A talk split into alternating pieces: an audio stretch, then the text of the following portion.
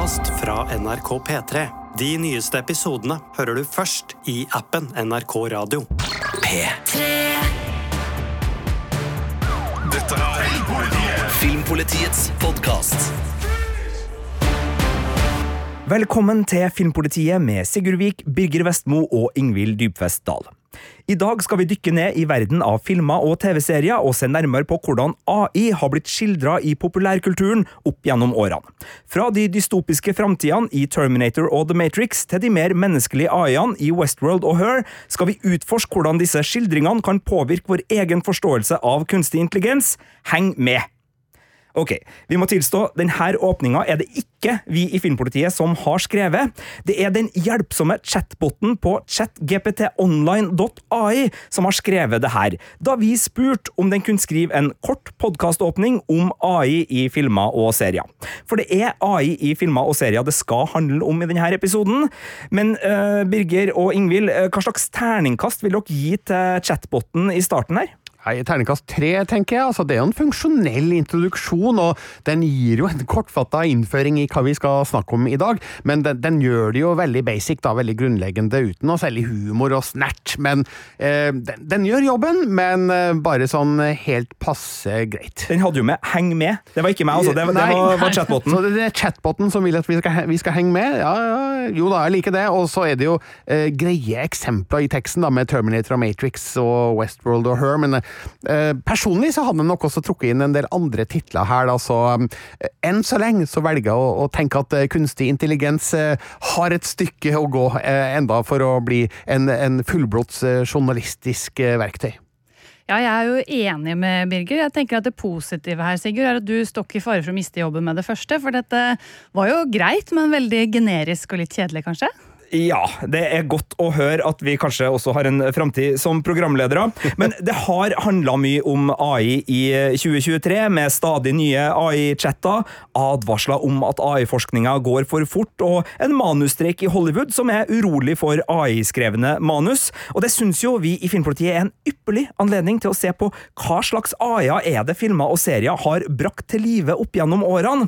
Og så skal vi da plukke ut noen av de vi både frykter mest og elsker høyest høyest. Men før vi gyver løs på AI-venner og fiender, så skal vi innom siste skudd på robotstammen, den premiereaktuelle kinofilmen Transformers Rise of the Beasts. Birger Vestmo, det er du som har vært på kino og sett Transformers Rise of the Beast, som da handler om roboter. Eh, hva slags film er det her, og, og hva syns du? Altså, det her stammer jo fra Hasbros uh, leketøysindustri, uh, uh, der Transformers-figurene ble lansert på 1980-tallet, akkompagnert av en tegneserie som mange kanskje så på kabel-TV den gangen. Jeg vet ikke om du var en av de, Sigurd? Jeg hadde lekefigurer som jeg ikke tror var den opprinnelige Transformers-merkevaren, men jeg hadde ja. noen, noen, roboter som jeg kunne bygge fra lastebil til, til uh, robot, ja. men, men, det var det jeg hadde. Enn du, Ingvild? Jeg var fast titter på Transformers, Robots in the Skies. Ja, More Than Meets the Eye osv. Ja. Jeg var nok muligens en smule for gammel allerede da til å være veldig stor fan av Transformers, men jeg hadde, og har fremdeles, eh, en lillebror som var limt til skjermen, eh, og hans første engelske ord som han lærte seg, det var kill, attack, destroy og retreat. Og Det var uttrykk som ble brukt ofte i Transformers-serien. Så jeg registrerte at den fantes, og så vel sikkert noen episoder også, men min interesse for Transformers eh, skjøt jo fart da mm, den første spillefilmen kom eh, i regi av Michael Bay i 2007. Og det har jo introdusert Transformers til en ny generasjon med kinogjengere som er langt yngre enn oss eh, alle sammen. Det har jo da kommet fem filmer. altså Det var den første Transformers i 2007, Revenge of the Fallen i 2009, eh, Dark of the Moon i 2011, Age of Extinction i 2014 og The Last Night i 2017. Og året etter så kom det jo da en frittstående uh, Bumblebee-film, basert på en av robotene i Transformers-universet. Um, så det her har jo gjort et innhogg på kinomarkedet nå i ja, snart 15 år, nei 16 år. Nå kommer altså da enda en eh, film som ikke er regissert av Michael Bay for en gangs skyld. Han har ja, tatt et steg tilbake, kanskje. Han nøyer seg, med, å være produsent her, og i stedet så har vi fått inn da Stephen Capel jr., som til nå er mest kjent for å ha laga Creed 2. Eh, Og han får nok bruk for en del av eh, kampsportskildringa han gjorde i Creed 2 i Transformers-filmen som han nå har laga, for eh, her er det mye slåssing. Her er det mye avrevne maskindeler og sprutende olje. De, de blør jo olje, disse robotene, og det brukes til ganske god effekt da i eh, den nye filmen. Eh, og det merkes også at vi har fått inn en regissør som er litt flinkere på å fortelle en sammenhengende historie enn det Michael Bay er, fordi selv om jeg elsker Michael Bay som actionregissør, så skulle jeg ofte ønske at han hadde med seg noen som kunne ta seg av liksom historiefortellinga. Hvis han kunne uh, gjort liksom uh, actionsekvensene, og noen andre kunne sørge for at uh, historien blir fortalt på et ryddig vis med en klar fremdrift og en forståelig fremdrift, eh, så kunne også Michael Bay-filmene blitt skikkelig gode. Men nå er det altså da Stephen Capel jr. som tar seg av alt, og jeg syns han viser jo at han er i stand til å matche Michael Bay litt på vei, i hvert fall, eller ganske langt på vei når det gjelder actionbeholdninga. Mens han har et eh, godt grep rundt historiefortellinga som gjør at eh, det er noen figurer i denne filmen som ja, jeg får sansen for, og som jeg sympatiserer med og føle med til dels, sjøl om eh, vi skal jo ikke glemme at det, det er ikke en det er ikke en dyp skildring av menneskers indre følelsesliv, det her, som jeg skriver i anmeldelsen min. Det, det, det er en robot-actionfilm, og der syns jeg at eh, Transformers Rise of the Beasts virkelig innfrir. Men er det en film som gyver løs på, på robotenes indre sjeleliv? For det her er jo tenkende, snakkende roboter, sånn i, i forlengelsen av AI-introduksjonen Ja. her.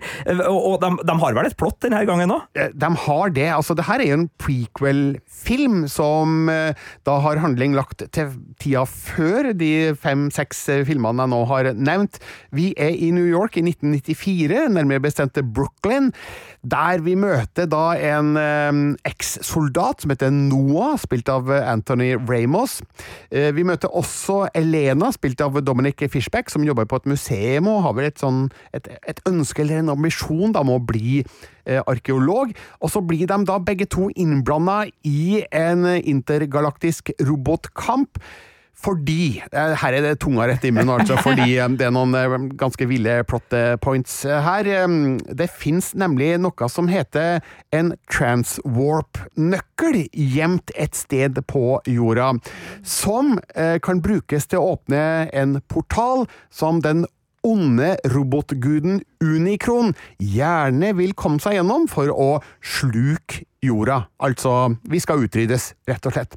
Eh, Autobots, da, stadig under ledelse av Optimus Prime, må jo forsøke å forhindre at eh, Unikrons eh, høyre hånd, da, Scourge, eh, spilt av, eller stemmelagt, må jeg si, da, av Peter Dinklage, får tak i den her transwarp-nøkkelen. Um, og det blir jo da en heseblesende kamp mellom ulike robotfraksjoner, både i New York og i eh, et sted i Sør-Amerika, skal ikke avsløre noe mer enn det, um, som, eh, som da Noah og Elena må delta i. Eh, litt uvisst av hvilken grunn, men det virker som at robotene eh, syns at det er nyttig å ha med seg noen små mennesker da, som kan komme seg inn steder der de store robotene ikke eh, får adgang. Eh, litt søkt kan man si at historien er, men herregud, da. Det er en Transformers-film. Så Kunstig intelligens, ja, men veldig perifert i forhold til noen av de andre filmene som det er relevant for oss å diskutere i denne podkasten. Ja, vi brukte jo bare siste skudd på robotstammen som en mulighet til å få snakka om det her. Kan jo også si at eksempel dukkeskrekkfilmen Megan, som har kunstig intelligens som en del av dukkeskrekken, eh, South Park har laga chat-satire selvfølgelig i vår, så, så det har kommet flere eh, titler om kunstig intelligens. Og nå som vi da skal bare eh, minne alle sammen om at eh, Transformers Rise of the Beast går på kino og får terningkast fire av Birger Vestmo, så skal vi selvfølgelig dykke litt inn i historien, gi et lite riss av AI på film og i serier, og så komme med to eh, favoritter hver av AI-er vi har både frykta og elska. Det handler om AI i Filmpolitiet i dag, og vi skal nå gå gjennom litt veldig sånn med harelabb, selvfølgelig, for vi har jo begrensa med tid, men eh, den historiske AI-representasjonen da på, på film og i serier, og det er jo nesten 100 år siden den første AI-en dukka opp eh, på kino, eh, Ingvild. Altså, I hvert fall sånn hvis vi tar de store, kjente titlene. 'Metropolis' av Fritz Lang. Ja, en tysk ekspresjonistisk film. Dro inn en robot, faktisk, i et veldig klassedelt samfunn. Ja, eh, Metropolis er jo bygd opp av en eh, arbeiderklasse som er under, og så er det en eh, overklasse, og så er det en vitenskapsperson, så vidt jeg husker fra denne filmen, som bygger en robot som er utrolig stilig, og dere har sikkert sett filmplakater av Metropolis med denne roboten i, omgitt av sånne lynringer, ser det ut som, så den er veldig kul, og, og den blir da en del av plottet på, på vis, og får også overført et ansikt, så denne roboten som da øh, begir seg ut i Metropolis, ser veldig uh, menneske ut da, i denne eh, filmen som kom i 1927. Og hvis vi spoler tilbake, spoler framover litt, så har vi da The Day the Earth Stood Still i 1951, som handler om en rominvasjon, så ikke helt ulik eh, det vi driver og får i Transformers-universet, men det er da roboten Gort som er attraksjonen her. En veldig stilig robot som, som, som, gir en visuell opplevelse av hva som kan komme fra teknologien, og et sånt robotansikt med en uh, sånn øye, solbrilleaktig øyegreie hvor det kommer laserstråler ut. Så, så skumle greier. I denne filmen så faktisk et ultimatum til jorden, så jeg på norsk. Spenn, alltid spennende norske titler på 50-tallet. Ja, Skal ikke spoile for mye, men ja, det er et ultimatum som stilles her, og roboten Gort er en del av eh, Ja, eh, hvis men, du ikke gjør som jeg sier, så kommer Gort og tar deg. Ja, men han var vel der en, Han var jo vennligsinnet, for det var jo en del av sånne fredsbevarende FN-styrker for planeter eller noe sånt noe. Ja, fredsbevarende opp til uh, Ja, ultimatumet blir, blir stilt. Uh, så hvis hvis vi går til, til 68, da begynner det virkelig å, å skje ting på, på um, AI-fronten på, på, kino. Stanley Kubrick, Birger, han, han serverte noen godsaker. Det gjorde han. 2001, en romodyssé. Den eh, introduserte jo oss for um, halv 9000, som jo um, virkelig uh, satt spor i filmhistorien. og um, skapt ideen om uh, kunstig intelligens som ikke bare et verktøy, men også en fare for oss uh, mennesker. For det, der blir det klart at denne kunstige intelligensen har forholdsvis lite empati, og det har vi jo sett flere tilfeller av i både film- og seriehistorien utover de tiårene som fulgte, men 2001, en romodyssé, var på en måte startblokka for den skildringa av kunstig intelligens eh, som vi kanskje kan ha som en slags advarsel nå når vi faktisk nærmer oss en tidsalder der eh, kunstig intelligens eh, blir stadig smartere. Og jeg tror faktisk Hal også var den første AI-en som ikke hadde kropp eh, på kino. Så da, det er jo på en måte enda skumlere at ja. han er en slags sånn gudelignende, allstedsværende skikkelse. Det er riktig, men han har, han har stemmen, som jo ble eh, avlevert av en skuespiller, ja, men den har en sånn umenneskelig, robotisk kvalitet ved seg. helt blotta for følelser, til og med eh, i slutten av filmen, når eh, ting kanskje ser litt mørkt ut for halv, ni tusen, og, og han sier I'm afraid, Dave så er det helt uten innlevelse. Ja. Det er eh, en, en, sånn stemme som eh, sitter igjen mange mange år etter at du har vært i kinosalen. For jeg håper du har fått sett uh, eh, 2001 En romodyssé på, på kino. Uh, virkelig. Uh, og det her maskiner som ikke gjør helt det vi vil, er jo også et tema som utforskes mer og mer. Westworld-filmen, ikke forveksles med TV-serien, men i selvfølgelig forløperen til TV-serien, kommer i 1973. Michael Crichton, som også skrev Jurassic Park-boka, har regi og, og, manus på den, og den handler jo da om en fornøyelsespark befolka av roboter. Eh, hvor det da blir sånn at de robotene, eh, som ikke nødvendigvis behandles veldig godt, eh, gjør opprør. Så det var jo en skremmende steg på, på veien. Og så, når vi begynner å snakke slutten på, på 70-tallet, da kommer vi jo også inn i dine formative filmår, Birger, og, og her kommer det jo veldig mange store og viktige filmtitler på rad. Ja, selvfølgelig. Altså, For det første har vi Star Wars, som kom i 1977. Her er det jo flere roboter inne i bildet, som vi jo kjenner godt og elsker. C-3PO og R2D2. Altså, når det gjelder R2D2 så er det litt vanskelig å forstå han, syns jeg, men eh, flere i dette universet har tydeligvis eh, full oversikt over eh, hva han til enhver tid uttrykker. Men eh, C3PO han er jo en snakkende robot med en ganske avansert, eller en veldig avansert kunstig intelligens, som jeg tror ga veldig mange ideen om hva kunstig intelligens kan gjøre for oss. Altså eksempel det faktum at han snakker eh, et, et uant antall språk. Eh, Han sier det jo i filmen, så vidt jeg husker, men jeg husker ikke antallet akkurat nå. Men i 1977 så må det jo ha vært mange som tenkte enn om vi hadde et verktøy som kunne oversette språk for oss, eh, bare ved hjelp av et tastetrykk, eller å, å, å lese inn til en robot eller en dings, enn om det hadde gått an. Altså, I dag går det jo an, så eh, på mange måter så var jo C3PO en, en, et forvarsel da, om den teknologien vi faktisk omgir oss med i dag. Samtidig som han var en eh, morsom eh, fyr med personlighet, og eh, en androide eller en robot som hadde menneskelige fakta og, og følelser på både godt og vondt for eh, C3PO, han er jo, han er jo en feiging. Han, han er redd. Han blir nervøs av farlige situasjoner. Eh, hvor mange ganger sier han eh, 'we're doomed' i Star Wars? Det er flere ganger, tror jeg. Uh, så um, Star Wars var jo på mange måter en, en, startblokk, det også, sånn som 2001 var et lite tiår i, i, i forveien. Men for min del så var vel mitt første møte med kunstig intelligens var den norske TV-serien Blindpassasjer, som kom i 1978. Og den kan jeg anbefale til alle som har lyst til å oppleve litt skikkelig god, gammeldags eh, science fiction, innspilt i et eh, TV-studio på Marienlyst i Oslo, eh, men gjenskapt da til en fremtidsvisjon som var ulikt noe annet vi hadde sett på norsk TV, i hvert fall på den tida, og hele serien, det er da tre episoder, ligger ut i NRK TV, så det er bare å, å gå og se på det her, og klart Det er en serie av sin tid, eh, på godt og vondt. Eh, Du ser jo at eh, den er spilt inn i et TV-studio på Marienlyst, og kanskje ikke med det aller største budsjettet, men uh, ut ifra sine forutsetninger så syns jeg at eh, regissør Stein Roger Bull har, gjorde veldig mye bra i Blindpassasjer, og den har faktisk flere trekk som man kan finne igjen i seinere filmer, spesielt Alien, som kom året etter, altså i i 1979. Hvis du ser starten på Blindpassasjer og starten på Alien,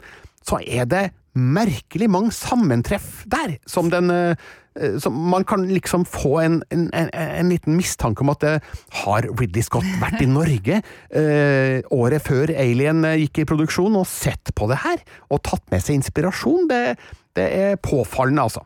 Og uh, Uten at jeg har sett den serien, så jeg skal gjøre sånn som du sier, uh, se den i NRK-spilleren, men der er vel frykten for at maskiner kan utgi seg for å være mennesker, en, en vesentlig del av kunstig intelligensen, og, og frykten din spiller opp? Ja, uh, det er mulig at en av mannskapet om bord i dette romskipet har blitt eh, bytta ut eh, med noe, eller noen, eh, og at kunstig intelligens kan være inne i bildet. Det er helt korrekt. Og skal ikke der- spoile mer, altså. Nei, og, nei. men jeg kan si såpass at det, det kan være vanskelig å skille menneske og maskin fra hverandre i eh, Blindpassasjer. Eh, Mens i Alien, der eh, er det jo forholdsvis enkelt å se forskjell på mannskap og inntrenger.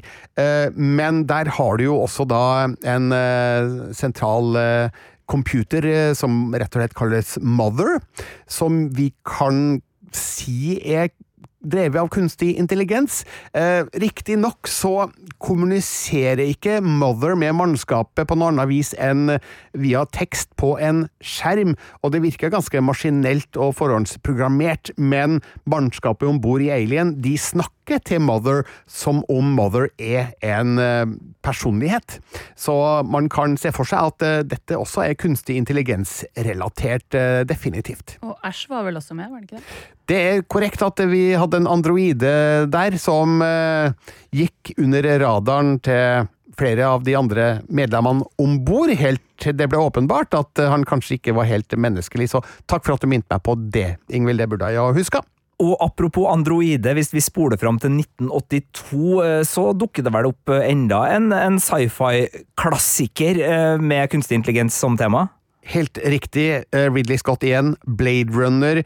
Det er jo da en av tidenes beste science fiction-filmer, om ikke den beste, litt avhengig av hvem du spør. Men her dukker det jo opp eh, en interessant tematikk. Eh, hva skjer med kunstig intelligens når den kunstige intelligensen eh, innser at dens levetid er begrensa, for her møter vi jo da flere androider som besøker jorda uten at de har lov til det, for å prøve å spore opp eh, sin skaper. Eh, fordi de har da eh, en, en fireårs levetid som de mer enn gjerne vil utvide. Der møter vi da Batty, spilt av Rutger Hauer.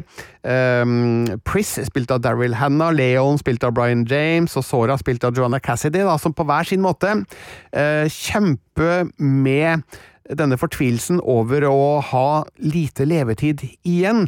Og dette er jo interessant fordi hvem vet om den kunstige intelligensen vi omgir oss med i dag, også begynner å stille slike spørsmål og begynner å foreta seg noe, eller handle på en måte som, skal vi si, skal eh, forlenge eh, dens eksistens. Det er jo avhengig av at kunstig intelligens faktisk utvikle utvikler eh, self-awareness, eh, som det blir snakka om i Terminator-filmene.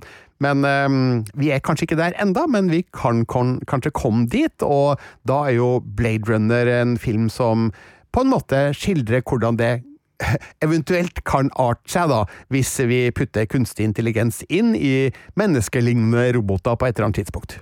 Du nevnte Terminator her. Det er jo bare to år etterpå at Arnold Schwarzenegger kommer fra framtiden. Jeg tror året er 2029, hvis jeg husker riktig, så, så det er ikke så lenge til at uh, Skynet uh, og, og, der er det jo den der militære trusselen og den totale utslettelsen av mennesker i en krig mot robotene som står ja, sentralt. Ja, for der er jo det ultimate skrekkscenarioet er jo at kunstig intelligens har kontrollen over våpenarsenalet og finne ut at menneskene faktisk er den største fienden, altså menneskeheten, og går til angrep mot oss. Og det er jo utgangspunktet for Terminator, der 2029, som du sier, er et nøkkelår. Uh, mens uh, de da sender en uh, robot, spilt av Arnold Schwarzenegger, tilbake i tid for å ta livet av mora til den fremtidige lederen av motstandsbevegelsen, Sarah Connor, spilt av Linda Hamilton. Så det er jo et, en, en, genial idé som James Cameron greide å gjøre til en skikkelig spennende og toneangivende action-sci-fi-film, som jo fikk en ekstremt god oppfølger i 1991, altså Terminator 2 Judgment Day. Det er jo klassikere vi snakker om i action-sci-fi-sjangeren, det her, men vi kan jo allerede nå begynne å tenke over den saken. Hvor langt inn i våre systemer skal vi slippe til kunstig intelligens? Er det bra for oss at uh, kunstig intelligens styrer systemer som vi er avhengig av? Og hva skjer hvis vi på et eller annet vis mister kontrollen over hva kunstig intelligens egentlig driver på med om natta når vi sover og ingen monitorerer dem? Det er noen skremmende spørsmål som dukker opp i, i Terminator-universet, og det blir jo ikke mindre skremmende litt senere på, på 90-tallet, da mennesker blir redusert til batteri i The Matrix-universet. Altså, Ingvild, ditt inntrykk da du så The Matrix for første gang og fikk det scenarioet servert i fleisen? Åh, jeg, åh, jeg var helt skikkelig bakoversveis da jeg så The Matrix første gang. Jeg gikk ut fra kinosalen, husker jeg, og stilte meg midt i gata og var sånn Bilen fins ikke. og det kan jo være farlig å tenke sånn i lengden. Ja, det, altså simuleringsmotoren som da mennesker befinner seg i i The Matrix Vi, vi spoiler litt her fra, fra gamle filmer, vi, vi, gjør jo det, men altså sånn, den er noe skummel. Men også den tanken på at liksom Hvis maskinene får tenkt lenge nok, ja, ja. hva blir vi mennesker for dem? Jo, vi blir energicella. Og vil du våkne, eller vil du ikke? Altså, det er en metafor som brukes mye i våre dager når det gjelder politikk. Du verden hvor de røde og blå pillene og den der kaninen man kan følge, har fått kjørt seg som popkulturelle referanser for eh, stort og smått. Det har du helt riktig i. Men eh, nå har vi jo vært innom noen, noen veldig dystre, men altså, hvis vi skal være litt mer muntert, altså, det har jo vært positive, fine AI-opplevelser også i film- og, og serieverden. Du er vel glad i en liten robot som, som eh, kanskje er mer i, i, i Disney-verden? Ja, jeg er jo det. Wall-E, som kom i 2008, var jo den første Pixar-AI-hovedkarakteren.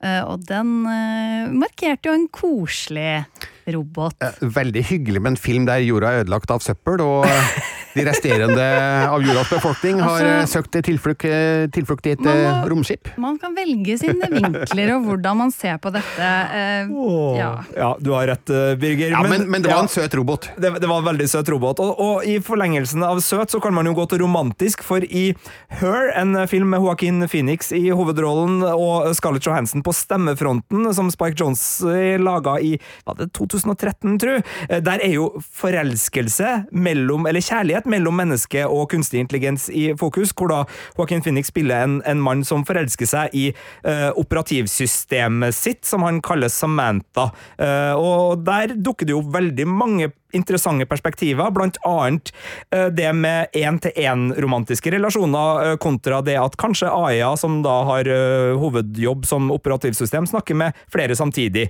Så det er noen opplevelser der. Det er jo en litt sånn stemningsfull indie-film igjen, men, men også veldig interessant, syns jeg, i, i måten den eh, handler om kunstig intelligens. Men fins ikke det her i dag? Fins det ikke folk som er forelska i avatars, eh, eller ja, ja. en eller annen kunstig person på internett, eller en eh, eh, sexdukke, eller whatever? Altså det, det, er, det er sikker på at det fins folk som faktisk er forelska i, om ikke kunstig intelligens, så er det i hvert fall eh, en, en datagenerert eller computerskapt eh, personlighet. Det er i hvert fall interessante ting, og, og det er også en tematikk som finnes i, i filmen Ex Machina. Den tar jeg med litt fordi den er spilt inn delvis i Norge, på Juve landskapshotell, som mange så i Succession nå, så der fikk Ex Machina litt ekstra drahjelp.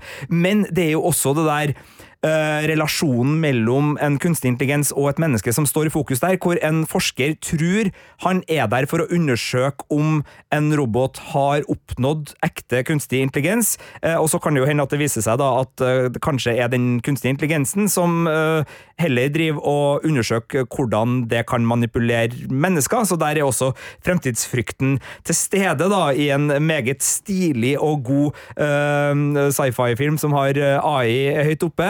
Eh, kan nevne at Avengers Age of Ultron, superheltfilmen, i sin tid skal ha vært den mest innbringende kinofilmen med AI i en hovedrolle.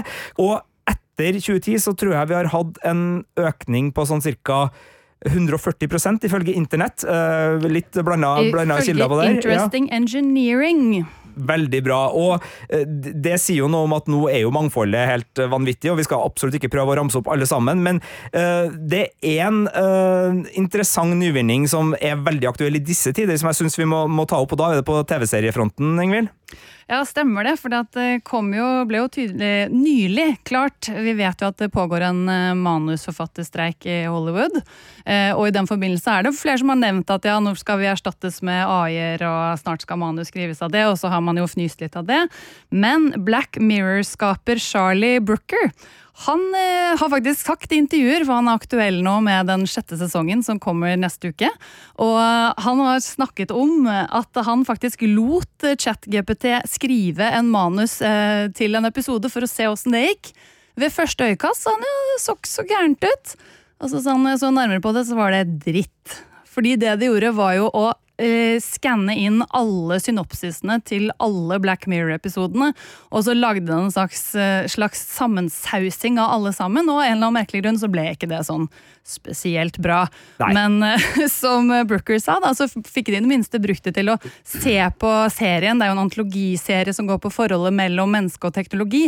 Og det fikk han til å se på serien med nye øyne, da, for han tenkte sånn oi, alt det her er jo gjort før. Så hvorfor ikke bare gjøre noe helt annet? Må en Black Mirror-episode være sånn? Så det gjør jo at jeg er enda mer spent på sesongen. Ja, og det der er jo interessant tankegods, fordi én ting er jo hvordan vi ser maskinene, men hvordan maskinene ser oss, er jo også en tematikk som blant annet Westworld tar opp. Og det er jo litt vondt når man innser at vi som mennesker er så forutsigbare og enkle og, og lettprogrammert da, at eh, når vi prøver å liksom gå andre veien og få AI til å hjelpe oss, så ser vi plutselig noen speilbilder som er litt ubehagelige Ja. eh, i hvor enkel og, og ja, eh, andre ting vi, vi kan være. Så interessant der. Gleder meg eh, på nye Black Mirror-episoder. Kommer vel allerede en på Netflix. Den er det 15. juni. 15. juni 2023. Da kommer det mer Black Mirror på Netflix her i Norge. Det var en veldig enkel eh, gjennomgang av noen av de store titlene vi husker godt om kunstig intelligens fra film- og seriehistoria, Hvis vi unnlot å nevne eh, favorittfilmen din, beklager. Jeg vet at vi hoppa over Tron, blant annet, Birger, så, så unnskyld for den, men, men det er mange flere her, selvfølgelig. Men vi skulle jo bare liksom sette landskapet for å dykke ned i noen av våre personlige favoritter, som du nå skal få. Eksempler på AI-er vi enten frykter eller elsker fra filmer og serier, er det det skal handle om nå. Vi får lov til å plukke to hver, noe som har vært vanskelig, og som sikkert har vært litt sånn at vi har gått i hverandres bed. Jeg var veldig tidlig ute med mine to, eh, og jeg kan se for meg at en av dem kanskje var noe Birger kunne ha tenkt seg, eh, men det får vi ta når vi kommer til det. Birger skal i hvert fall få lov til å starte. Eh, Hvor skal vi reise, Birger Westmo?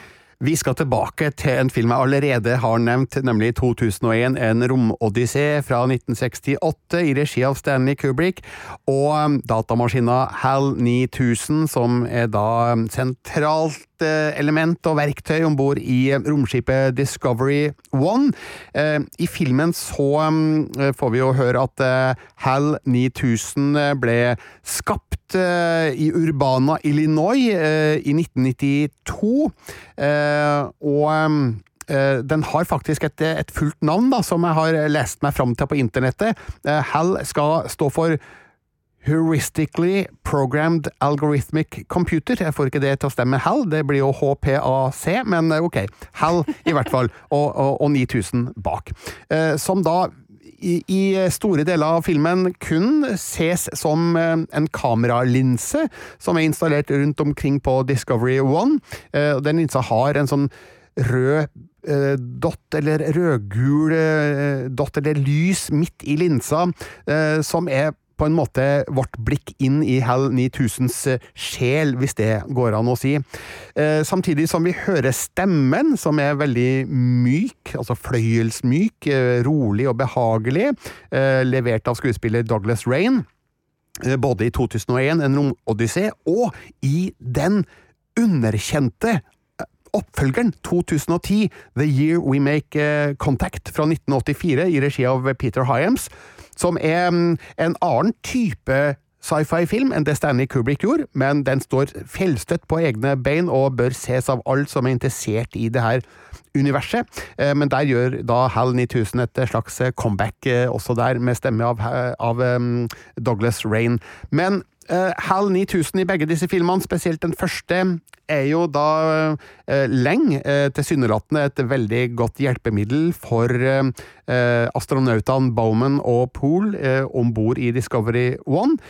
Helt til um, den plutselig ikke er det lenger, og snur seg mot dem i en, uh, en skikkelig uh, iskald scene som er veldig rolig, samtidig som den er ekstremt uh, skremmende. Skal ikke si akkurat hva som skjer hvis du ikke har sett uh, 2001 En romodyssé enda, men uh, det er en nøkkelsekvens der vi umiddelbart forstår at nå har HAL 9000 snudd og ser på astronautene om bord som fiender og ikke venner. Og um, dette var, som jeg var inne på tidligere, et varsko om uh, hva kunstig intelligens uh, kan bety for oss. Ja, det kan være til utrolig god nytte i mange sammenhenger, men hva om kunstig intelligens bestemmer seg for at vi ikke er til hjelp, og kanskje det beste er å bli kvitt oss? Hva skjer da? Og det gjør eh, Stanley Kubrick så mye bra ut av i 2001, En romodyssé. Så HAL 9000 eh, jeg beundrer jo eh, måten eh, denne kunstige intelligensen kan faktisk brukes på, helt til man forstår at dette er noe vi skal frykte. Så jeg både elsker og frykter HAL 9000. Det er kloke ord, og må bare si at uh, når det gjelder estetikk, så er det her en av mine absolutt favorittfilmer. Det er et retrofuturistisk uh, vidunderbarn Stanley Kubrick sammen med selvfølgelig veldig mange andre dyktige folk klart å skape her. Den ligger på HBO Max hvis man ønsker å strømme den, men den fortjener egentlig å bli sett i så god variant som mulig, så hvis ditt lokale cinematek eller din lokale kino setter opp denne filmen noen gang, gå og se den, og hvis ikke så finnes det forhåpentligvis veldig gode fysiske eksemplarer som man da kan skaffe seg, fordi her er oppløsning og lydkvalitet vesentlig eh, for opplevelsen av et mesterverk. Ingvild, din eh, første film er neste ut. Hva har du valgt? Jeg har i likhet med Birger sneket meg tilbake til en av de jeg nevnte i stad, nemlig Wall-E. Eh, den ligger på Disney pluss, ikke helt sjokkerende siden det er en Pixar-film. Men eh, det er jo også en film fra Andrew Stanton som kom i 2008 eh, med en AI-figur. Og for en søt AI-figur! Altså, Wally står for Waste Allocation Load Lifter Earth Class. Eh, så det det egentlig sier på veldig fancy måte, er at han er en rydderobot. Han går jo rundt på jorda han etter en sånn apokalyptisk hendelse, og så har han rydda søppel der og skrot på i rundt sånn 700 år. Og en av bivirkningene ved at han har gjort det, er at han har utvikla seg en aldri så liten personlighet. Uh, han er, og det her tror jeg er en av grunnene til at jeg liker Wally så godt, er at han er en samler. det er nemlig jeg òg. Så når han går rundt og rydder, så bruker han omtrent like mye tid på å bla gjennom alle de tingene som han syns er vakre, og det kan jo være alt fra en sko til en lighter. Han samler på disse, ta de med hjem. En av hobbyene hans er å se på en gammel VHS-kassett av Hello Dolly, musikalen. Det liker han veldig godt. Og så går livet hans sånn her, da, på repeat og på, på repeat, helt til plutselig en dag kommer det en robot til ned på jorda, sendt ned et romskip, og den heter Eve, eller EVE. E. Jeg husker ikke hva det står for. Og Wally han klarer å bli forelska i Eve. Eh, hun er da sendt ut, må sies. Jorda er jo ikke Menneskeheten er ikke helt lost. De går eh, i bane et eller annet sted ute i universet på et slags romcruiseskip. En enorm, enormt cruiseskip. Eh, av en eller annen eh, stor Det er liksom som om Tesco eller et stort varemerke har bygd dette. Det er liksom privatisert hele dette. Redde menneskeheten ute i rom, romskipet. Ja, ute i Hva heter det? Rom. Verdensrommet? Verdensrommet, takk. ute i rom. Det er mye rom der, da. Men ja, og som en bivirkning så har jo alle sammen omtrent mista alt sånn eh, muskelmasse og beinmasse, og de bare er blitt eh, Så det er jo et stikk også her til eh, fedmeepidemien på et vis. De ligger jo bare på senger og blir skyfla rundt. I et plø pløsete paradis? Ja. Og det som skjer er at Eve jeg skal ikke spoile alt, jeg spoiler bitte litt, Eve oppdager en liten buskvekst, og da hun, går hun rett i autopilot. og blir sendt i retur til dette skipet, og Wally klarer å henge seg på. Eh, og fordi planen nemlig med det her eh, skipet da, som har vært ute i verdensrommet i 700 år, er jo at hvis de oppdager at jorden eh, at det er liksom levelig der, noe kan gro, da skal de returnere. Og så kommer de der med denne planten, og kapteinen ønsker å vende tilbake. Men her kommer en ny AI.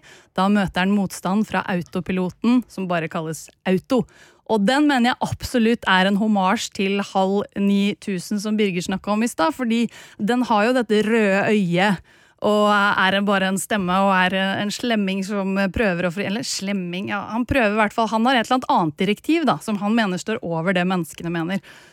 Uh, og så er det dette uh, Ja, så får vi se. Jeg skal ikke røpe hvordan det går, men uh, der har vi en stor clinch i det. Men, men, det her som er så rørende, er jo at Wally og Eve som etter hvert da blir så menneskelige. Og det er jo det, vi liker jo roboter som er menneskelige og sårbare og visker ut disse Eller som blir sentient, da. De blir vesener med følelser. Det har vi jo sansen for.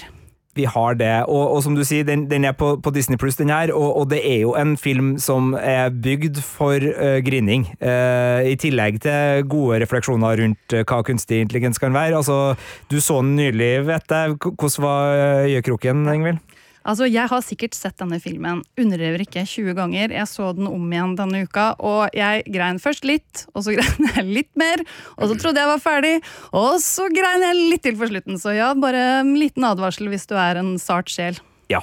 Eh, det er også en, en overgang faktisk til, til neste film, eh, som eh, igjen er en sak vi har snakka om. Vi skal bli litt bedre på det på neste runde, altså da skal komme noen nye titler da. Men vi snakka om Terminator fra 1984, og Birger, du nevnte at den fikk en oppfølger av James Cameron med Arnold Schwarzenegger i hovedrollen i 91, som også er et, et kunstverk. Og der er det jo et sitat fra Arnold Schwarzenegger som eh, T800 nå forstår jeg hvorfor dere gråt. Eh, det eh, handler jo da om at eh, denne roboten har ikke nødvendigvis blitt sånn at han har menneskelige følelser, men han skjønner menneskelige følelser. Men det er nå et, et lite sidepoeng. Altså, Terminator 1 starter jo med en maskin som ruller og knuser hodeskaller, bare for å illustrere at her er kampen mellom maskinene og menneskene på det mest brutale plan. Eh, og i eh, film nummer to så spilles jo det her ut eh, i en popkulturell blockbuster som for meg, da, som uh, liten gutt, var bare helt voldsomt. Fordi favorittbandet mitt var jo Guns N' Roses. De hadde filmmusikken med You Could Be Mine. Arnold Schwarzenegger var den kuleste actionhelten det gikk an å se for seg på kino på denne tida. Og de visuelle effektene på å få den uh, på en måte antagonistroboten T1000 uh, til å flyte, bokstavelig talt, gjennom gitter og være en veldig skremmende tankevariant av hva en eh, robot og hva en kunstig intelligens kunne være, og hvordan de kan oppføre seg, og hvilken trussel de utgjør for menneskene, det ble bare liksom slått fast både i musikkvideoen til You Could Be Mine, og eh, når man da endelig fikk overtalt noen, eller lurt seg eh, bort eh, for å se Terminator 2 Judgment Day, som er en nydelig film, og som også har en liten pause midt i filmen hvor det forklares at grunnen til denne krigen er fordi man har bygd opp et eh, våpensystem, eller altså en kunstig intelligens som skal holde styr på våpensystemene, eh, og som etter hvert da bryter ut og begynner å tenke sjøl. Og det er noen ord der som er ganske sånn voldsomt, fordi det forklares da at den skjønner på et tidspunkt at den eh, mest effektive måten å utslette menneskeheten på, er å starte en atomkrig. Eh, altså, send, eh, altså hvis USA angriper eh, Russland eller Sovjetunionen, så er de på en måte diktert til å uh, retaliate, altså eh, komme med motsvar. Og, og den logikken og den, den kjølige måten maskiner kan bare liksom regne seg fram til menneskets ødeleggelse, basert på militære elementer som faktisk vi har bygd opp, uh, var en sånn Det var en skremmende tanke da, og, og det er en skremmende tanke nå. Så jeg syns Terminator, til tross for å være popkorn-blockbuster de luxe, også har både det emosjonelle registeret og det litt sånn til ettertankeregisteret som, som løfter den. Og jeg vil si, og nå kan hende at Birger blir sint på meg, jeg syns at den er hakket bedre enn Terminator, selv om begge er helt fantastiske filmer. Det er som å velge mellom barna sine, det går Ja. ikke, Sigurd. Men eh, jeg vil jo også da, eh, hvis jeg skal være veldig objektiv, da, eh, se at eh, The Terminator 2, The Judgment Day, eller den eh, heter bare Judgment Day, ja, den er, den er, den er bedre enn den første Terminatoren, spesielt fordi den har jo da eh, spesialeffekter som langt overgår det James Cameron hadde råd til i 1984. Og den hadde jo noen uh, nyvinninger på effektfronten der, som hvis du ser den dokumentaren på Netflix som heter Light and Magic Eh, eh, Disney Plus Disney. Plus, ja, unnskyld. Eh, Light and Magic, som handler da om effektselskapet Industrial Light and Magic, så vil du se der hvor store sjanser de faktisk tok da Terminator 2 skulle lages. Eh, De, de ante jo ikke om de skulle få til det de prøvde på da filmen gikk i produksjon, men de fikk det til. Det gjorde de til gangs. Eh, Den ligger på Viaplay og Prime eh, hvis man ønsker å strømme på en eh, abonnementstjeneste. hvis man har det. Ja. Og så er det noen Ja, hva vet du om fysisk format og Terminator 2, Birger Vestmo? jeg, jeg vet at det fins en forlenga versjon av Terminator 2, en såkalt Directors Cut. Og hvis man ser den, så får man virkelig et innblikk i eh, hvordan historien eh, tar for seg kunstig intelligens, eh, fordi der er det en scene som ikke er med i den originale kinoversjonen, der Arnold Schwarzeneggers eh, T800-robot har en læringschip i robothodet som må aktiveres for at han skal kun lære seg litt om om mennesker egentlig, og det er vel det som er utgangspunktet her for at han etter hvert skjønne hvorfor eh, vi, eh, vi, vi feller tårer og sånt. da. Vi eh, skal tilbake i tid for å høre om mer kunstig intelligens på film. Og Birger, hvor skal vi nå? Da skal vi til Blade Runner fra 1982, som vi òg har vært innom tidligere i denne podkasten. Altså Ridley Scotts epos som står som en påle i sci-fi. Historien her er jo kunstig intelligens til stede gjennom noen androider, eller det vil si de kalles replikanter i Blade Runner-universet fordi de ser jo ut som mennesker, altså vi er blitt replisert eh, rett og slett i menneskeform, og i eh, det her universet så eh, er jo da replikanter arbeidsmaur og arbeidsverktøy ute i verdensrommet, for eh, vi mennesker har jo kolonisert verdensrommet, og de farligste jobbene, de setter man eh, replikanter til. Men eh, som jeg sa tidligere, så har jo da noen av disse replikantene skjønt at de har en begrensa levetid, eh, fordi menneskene som har skapt dem, har innsett at eh, etter noen år så vil replikanter utvikle egne emosjonelle eh, følelser som eh, de ikke skal ha, for de skal jo bare gjøre jobben de er satt til, de skal ikke begynne å stille spørsmål ved det de gjør, men eh, noen har begynt å ane at eh, de har begrensa levetid, tar seg ulovlig ned til jorda for å finne sin skaper, for å få forlenga sin egen levetid. Men filmen gir jo også et bilde av eh, hva man kanskje kan bruke roboter til en gang i, i fremtida. Eh, Du har eksempel eh, Roy, som er en eh, soldat, rett og slett, med superstyrke. Du har replikanten Leon, som er mer en sånn lagerarbeider. arbeider. Så har du Sora, som vi får forklart har vært snikmorder, eller vært med i en murder squad, i hvert fall. Og så har du Pris, spilt av Daryl Hannah som beskrives som your basic pleasure model, og så kan man jo bare se for seg hva hva slags eh, arbeidsfelt eh, det gjelder. Eh, og det her er jo ting som kan bli relevant for oss en gang i tida. Eh, vi har jo allerede nå kunstig intelligens som er satt til å utføre ulike oppgaver, ikke i robotisk form, kanskje, sånn som det blir skildra i denne filmen, men eh, vi kan nok ikke se bort ifra at eh, vi kommer til å komme dit, der eh, menneskelignende roboter med kunstig intelligens blir satt til slik type arbeid. Eh, kanskje ikke i helt samme form som i filmen, men eh, i hvert fall så syns jeg at Blade Runner behandler denne tematikken på en så interessant måte at man kan se på det som et forvarsel, i hvert fall om hva vi kan ha i vente dersom den teknologiske utviklinga går den veien.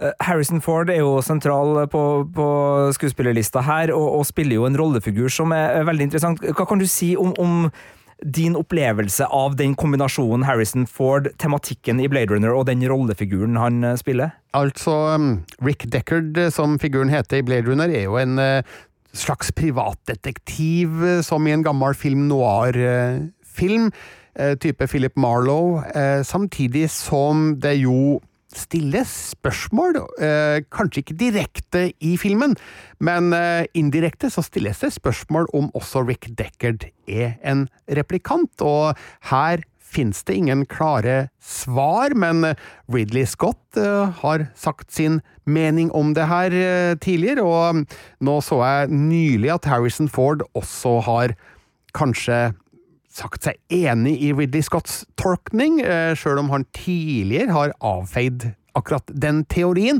om at Rick Deckard også er en replikant, men eh, det er jo slike spørsmål som gjør at Blade Runner bevarer eh, den derre auraen og den her interessen som jo har vedvart i over eh, 40 år nå. Filmen kom altså i 1982. Eh, den ble vel sluppet rett over nyttår i 1983 i Norge, så den, den har nylig feira 40-årsjubileum eh, på norske kinolerret, i hvert fall. Men eh, nei, det er en film som eh, jeg har eh, sett eh, et titalls ganger, og den gir meg noe nytt eh, hver gang. Det er en rik film rent visuelt. Men også når det gjelder historiefortellinga, så har den en gripende tematikk som besnærer meg, og som jeg håper vi ikke kommer til å være nødt til å relatere oss til i det virkelige liv eh, noen gang. Nå, nå har årstallet for handlinga i i, i Blade Runner eh, passert, altså 2009 er handlinga lagt til, og vi kan vel fastslå at Los Angeles eh, anno 2009, eller i dag, ikke ligner i det hele tatt på Los Angeles i Blade Runner, så eh, det er ikke, det er ikke sannspådd eh, science fiction vi snakker om her i alle tilfeller, i hvert fall, men eh, allikevel, det er verdt å være litt eh, på alerten når det gjelder vår bruk av kunstig intelligens. Hvor kan man se Blade Runner? Den er ute på Viaplay hvis du er abonnent. Du kan kjøpe og leie den digitalt hos andre også, men herregud, her må jeg virkelig slå et slag igjen, som jeg ofte gjør, for 4K UHD Blu-ray, for der er Blade Runner utgitt i et helt fantastisk eksemplar med vanvittig god billedkvalitet og um, en helt nydelig lyd og utrolig bra ekstrastoff, så hvis du virkelig er interessert i Blade Runner, så gå for det fysiske formatet, vær så snill. Det var eh, klar beskjed fra Birger Vestmo der. Eh, det tror jeg nødvendigvis er mulig eh, på det vi skal til nå, for nå skal vi til TV-serien, og for første gang i denne oppramsinga ikke til noe vi har snakka om tidligere i denne podkasten, Ingvild. Nei, altså Jeg er jo stor fan av både Blade Runner og oppfølgerfilmene Blade Runner, men når man jobber sammen med to mennesker som krafser til seg klassikere, så får man jo prøve å boltre seg på TV-skjermen i stedet, da. Og jeg har valgt ut en antologiserie, ikke Black Mirror, som jeg også var inne på tanken om å ta noe fra, men den animerte Love, Death and Robots som kom på Netflix i 2019. Og den har jo, som tittelen antyder, tematikk som, som, utspiller seg i landskapet mellom mennesker, eller kjærlighet, død og roboter, og alt mulig deriblant. Og den episoden jeg har valgt, det er ikke kanskje nødvendigvis den episoden jeg syns er best, men det er den, den, episoden som på en måte speiler mine aller verste frykter best. Den heter Automated Customer Service og er den første episoden i bind to, for de opererer med bind da i den serien. Og den fanger akkurat mine personlige verste frykter. Det vil si en løpsk robotstøvsuger og kundeservice. De to tingene syns jeg bare hver for, selv, hver for, seg høres ganske ille ut. I kombinasjon eh, forferdelig. Vi møter altså en eldre dame som merker at den støvsugerroboten truer hunden sin, og så prøver å kontakte kundeservice, og ender i en sånn seks timer lang telefonkø med kun autoalternativer og blir bedt om å deaktivere ryddemaskinen, men alt feiler, alt eskalerer, og til slutt så er det omtrent Skynet som er ute etter å ta henne og den herre væskehunden. Så jeg skal ikke gå dypere inn i denne veldig korte filmen, som man selv burde gå inn og ta en titt på, men jeg syns bare de fanger så godt det her hverdagslige, og hvordan altså, Alle har vel etter hvert en robotstøvsuger, og alle har prøvd å ringe kundeservice og fått en bot-stemme i stedet for en menneske. Og den her frustrasjonen, du får tre valg, ingen av valgene passer. Det står om liv og død. Du må velge et valg. Nei, for meg setter den liksom, tar veldig det på kornet, da, akkurat den frykten der. Det er en fascinerende antologiserie på alle vis, og, og har jo mange episoder som gjør uslettelig inntrykk. Ikke riktignok alle om kunstig intelligens, men det er noe våpenkappløp og, og noe diverse der som er, er ganske eh, underholdende. Og robotstøvsuger, altså hvordan er vi der på, på, rundt redaksjonen? Jeg har ikke det. Jeg kjøpte meg akkurat ny støvsuger, men jeg gikk for en tradisjonell variant som ja, har noen trinn, da. Det er det mest teknologiske med den enn du, Birger? Ja, nei, hjemme hos oss har vi en svindyr sentralstøvsuger, så jeg tar også ikke råd til robotstøvsuger enn så lenge, men skal aldri si aldri. Jeg lever jo opp til det jeg sa at jeg er redd for det, fordi jeg kjøpte en robotstøvsuger til meg selv julen for to år siden, men jeg har ikke ryddet nok hjemme til å få den til å kartlegge den leiligheten den skal rydde. Og så syns jeg jo også det er litt skummelt, så jeg velger i frykt for hva den kan finne på, bare la være å aktivere den. Det skumle med din taktikk Ingvild, er at du kan nå egentlig være den utløsende årsaken til robotrevolusjonen, fordi den roboten i frustrasjon begynner å lære seg nye terreng og, og, nye muligheter på å gjøre jobben sin, siden det ikke legges til rette. Og dermed så har uh, kappløpet begynt. Uh, time will show, som uh, Rudolf Prostrupmoen en gang sa i norsk film. Love, Death and Robots ligger på Netflix. Jeg sa vel at det ikke fantes på noe annet vis. Jeg tror kanskje det er en DVD-utgave der ute. eBay synes å mene det, så, så det er mulig, men i hvert fall så finnes den eh, på Netflix. Eh, Den siste vi skal ha med fra meg, er også en TV-serie, og vi har snakka litt om den, fordi den kommer jo fra en pionerfilm innen kunstig intelligens-sjangeren, nemlig Westworld. Og her vil jeg begrense meg til å si at det blir Westworld sesong én og to, som jeg syns er de desidert beste og mest interessante eh, i det her løpet, som ble fire sesonger totalt, og jeg må bare si, i sjokk og vantro den HBO-serien ligger ikke på HBO Max lenger, fordi den har blitt fjerna. Du kan leie den og kjøpe den på strømmetjenester som SF Anytime, og du får jo kjøpt på, på fysisk format.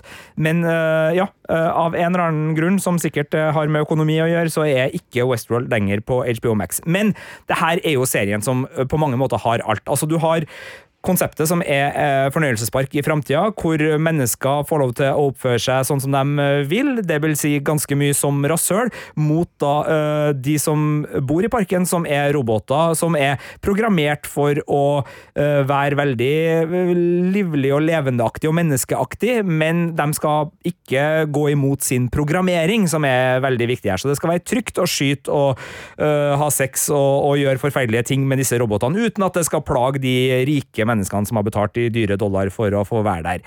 Eh, så er det selvfølgelig ikke så enkelt. Eh, disse robotene begynner på ulike vis å oppnå bevissthet rundt seg sjøl, og måten Westworld grubler på, er en av de store attraksjonene for meg. For den bruker repetisjon i de ulike variantene og de møtene som blir like, fordi det er jo de samme grunnprogrammeringene som gjør at hvis du kommer inn på saloonen, så blir du møtt med de samme replikkene fra de her robotene. Men etter hvert som man liksom skjønner at repetisjonene også går for dem, og man har liksom sånn sirkler seg inn i labyrinten, så ser man og det er jo så mye godt skuespill her. Man ser at bevisstheten begynner å dukke opp, og man får barrierer. Og det er så mye interessant tankegods rundt robotrettigheter, ikke minst. Altså hvordan øh, vi behandler roboter, og hva det gjør med den kunstige intelligensen. Øh, både generelt når det handler om liksom, hvordan vi oppfører oss som mennesker, men også hvis den kunstige intelligensen skal lære å utvikle seg hva vil det at vi behandler den som arbeidere, som slaver, som uh, ting vi kan bare liksom være frekke med og skrive stygge ting til for å få reaksjoner? Altså, hva vil det gjøre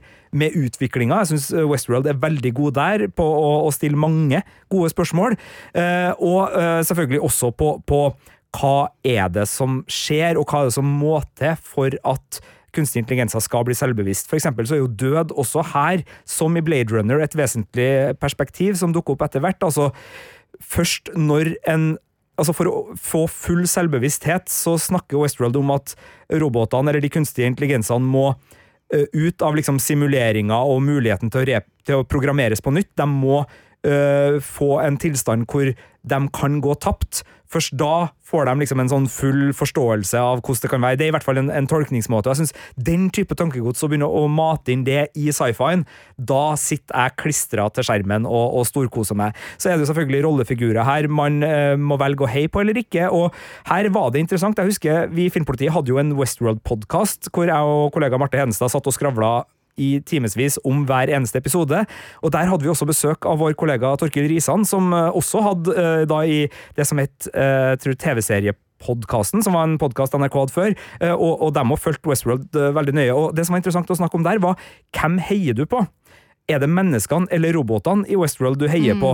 Uh, og der var det jo veldig stor uh, ulikhet. Jeg husker Marte var veldig på Man heier jo på robotene, det er jo dem som blir dårlig behandla, og det er jo mm. dem man liksom ønsker at skal gi tilbake det som fortjenes mot menneskene, mens Torkil kom da fra den andre sida og sånn man heier jo på menneskene, altså det, det er jo den uh, naturlige. Og, og, så var det interessant å, å, diskutere, og det er en serie som, som har så mye med seg at den type diskusjoner og, og tankegrublinga blir veldig fascinerende. Så selv om den nå begynner å bli litt vanskelig å få tak i, da, og den ikke fikk de fem sesongene den egentlig skulle ha, som den var tiltenkt, i hvert fall sånn som jeg husker, den, den endte opp på fire, og personlig så syns jeg kanskje ikke at de siste sesongene var de beste, men sesong én og to er altså så fantastisk god, syns jeg, på å utforske materien den har satt seg fore å utforske, i tillegg til at det er spennende TV. Du kan kjøpe hele serien eh, på 4K Blu-ray for 75 eh, pund! Ja, det er 1000 spenn, det. Det er 1000 spenn, eh, og ja, nei, altså jeg Jeg skjønner jo at uh, serier og, og, filmer hopper mellom strømmetjenester. Jeg syns det er rart at en HBO-serie som Westworld ikke ligger på strømmetjenesten HBO Max, jeg skal være ærlig på det, men, men det er vel bare å akseptere at uh, sånne ting må strømmetjenestene få lov til å, å bestemme sjøl. Men det er i hvert fall en soleklar anbefaling, enten man da uh, leier den digitalt eller kjøper den på, på Blu-ray eller uh, ja, i det hele tatt. Den er verdt et gjensyn. Begynner å bli gammel, da. 2016. Mm. Går fort denne tida. Ja, ja, ja. Det var et knippe varierte uh, AI-filmer og serier som anbefaltes eh, fra Filmpolitiets uh, kontor. Kan si at du har hørt da, et program med Sigurd Vik, Birger Vestmo Ingvild Dybfest Dahl, og litt uh, innledende assistanse fra chatboten ChatGPTO nei, gptonline.ai, som da var å hjelpe oss i, i starten her. Uh, og du finner da også flere av våre podkaster i appen NRK Radio, blant annet Westworld-podden, hvis du fikk lyst til å dykke skikkelig dypt ned i den med fanteorier og, og hele smølja. Og så kan du lese alle våre anmeldelser, blant annet da Terminator, Rise of the Beasts på p3.no filmpolitiet, og så kan du høre oss på P3 hver søndag mellom klokka 12 og 15. Takk for oss. Handelsmenn, sjøfarere, konger, kongsdøttere og krigere. Møt dem som levde i vår verden for 1000 år siden. Episke slag, guder, legender og eventyr da verden ble gjenoppdaget. Hør om deres dramatiske liv og tid, basert på Snorre Sturlasons udødelige historier. Hør Vikinger i appen NRK Radio.